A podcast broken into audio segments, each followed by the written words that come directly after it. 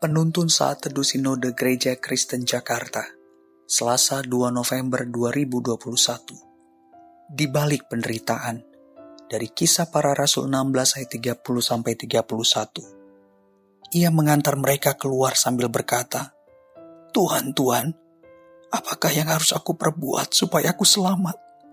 Jawab mereka, Percayalah kepada Tuhan Yesus Kristus, dan engkau akan selamat engkau dan seisi rumahmu.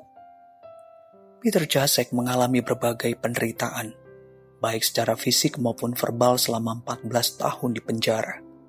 Roh Kudus menghibur dan menguatkannya.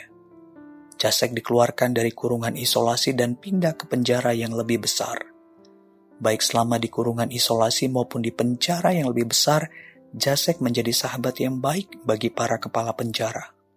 Selain itu, di penjara yang lebih besar ini Jasek dan dua pendeta Sudan diberikan kesempatan untuk berkhotbah memberitakan Injil kepada para tahanan. Jasek sangat bersuka cita melihat pertobatan mereka. Saudara, penderitaan fisik yang dialami Rasul Paulus dan Silas tidak dapat memenjarakan semangat mereka untuk menyaksikan Injil. Secara khusus mereka beritakan kepada kepala penjara Filipi yang ingin membunuh dirinya karena semua pintu penjara terbuka akibat gempa bumi yang hebat. Kepala penjara itu tersungkur dengan gemetar di hadapan Paulus dan Silas. Dia dipenuhi ketakutan yang sangat hebat karena merasa gagal menjaga para tahanan dengan baik, sehingga bisa saja dia akan menerima hukuman dari pemerintahan Romawi.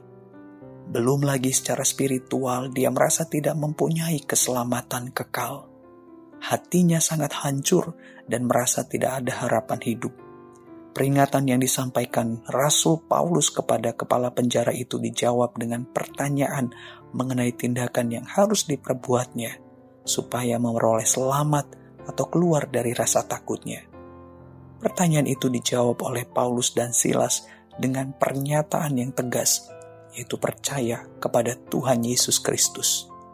Percaya berarti meyakini dan mempercayakan seluruh hidup di dalam Kristus Yesus yang berkuasa untuk menyelamatkan hidup dari kuasa dosa dan maut menuju hidup di bawah kasih karunia Allah.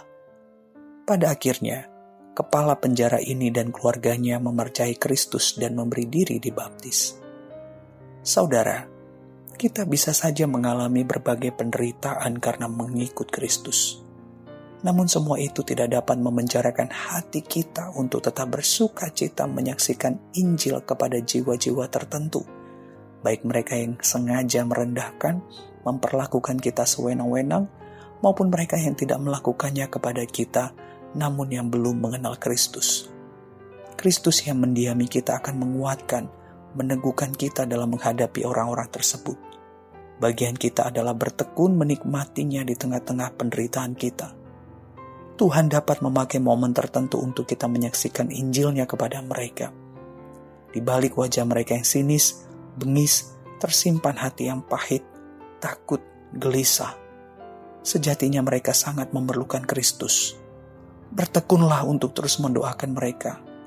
Tetap taburkanlah kasih Kristus kepada mereka.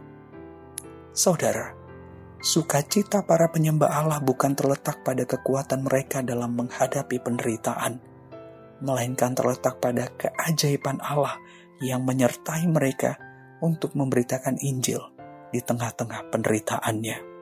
Tuhan Yesus memberkati.